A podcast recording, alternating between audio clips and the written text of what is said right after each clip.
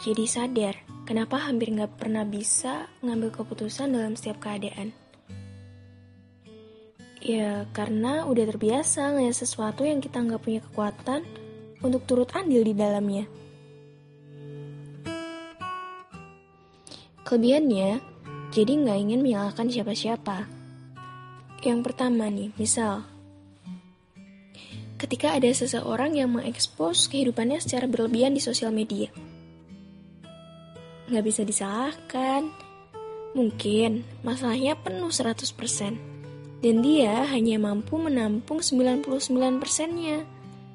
Dan yang dia ceritakan cuma 1% dari total permasalahannya. Tentu aja sih kita yang terbiasa dengan kapasitas permasalahan 5% gak akan nyaman liatnya. Yang kedua adalah pencuri. Beruntung banget ketika kita tahu bahwa mencuri dapat merugikan orang lain. Nah, tapi gimana ketika ada anak yang terlahir dari orang tua pencuri dan sudah terbiasa dengan kegiatan saling curi? Hingga mereka mencapai fase yang gak merasa dirugikan juga ketika barangnya dicuri. Karena masih bisa nyuri lagi.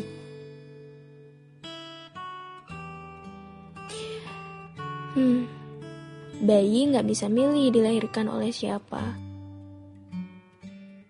Anak adalah tanggung jawab 20 tahun dan baru mulai bisa mencerna maknanya.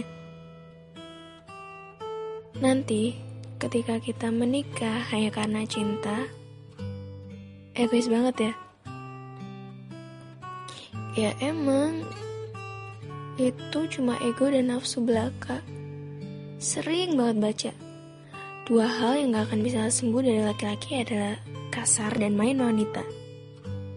Ya ini bukan generalisasi, subjek laki-laki jelas tertuju pada orang-orang yang ditulis seimpunnya cerita. Nah, jadi jika seseorang memaksa menikah dan rela tersakiti demi cintanya, gimana nasib anak-anaknya yang nanti bakal lahir tanpa membawa cinta pada kedua orang tuanya? Mentalnya dikorbankan.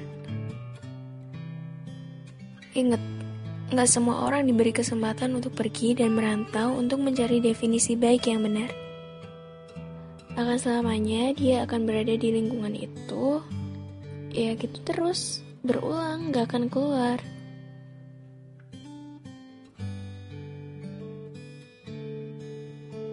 Makasih ya udah dengerin. Semoga kita dipersamakan dengan orang baik dan saling mengerti diberikan masa depan bahagia dan mampu memberikannya pada keturunan kita. kita. Amin. Untuk kamu yang sedang berjuang keluar dari definisi baik yang salah, semoga dipermudah. Jangan sampai kesalahan memilih pasangan kita di masa sekarang menjadikan unfinished business yang tak pernah terselesaikan oleh anak kita di masa mendatang. terlahir dalam rumah yang memberikan nilai moral yang salah, menganggap wajar setiap perlakuan toksik salah satu dari orang tuanya, dan nantinya cenderung mencari pasangan yang serupa.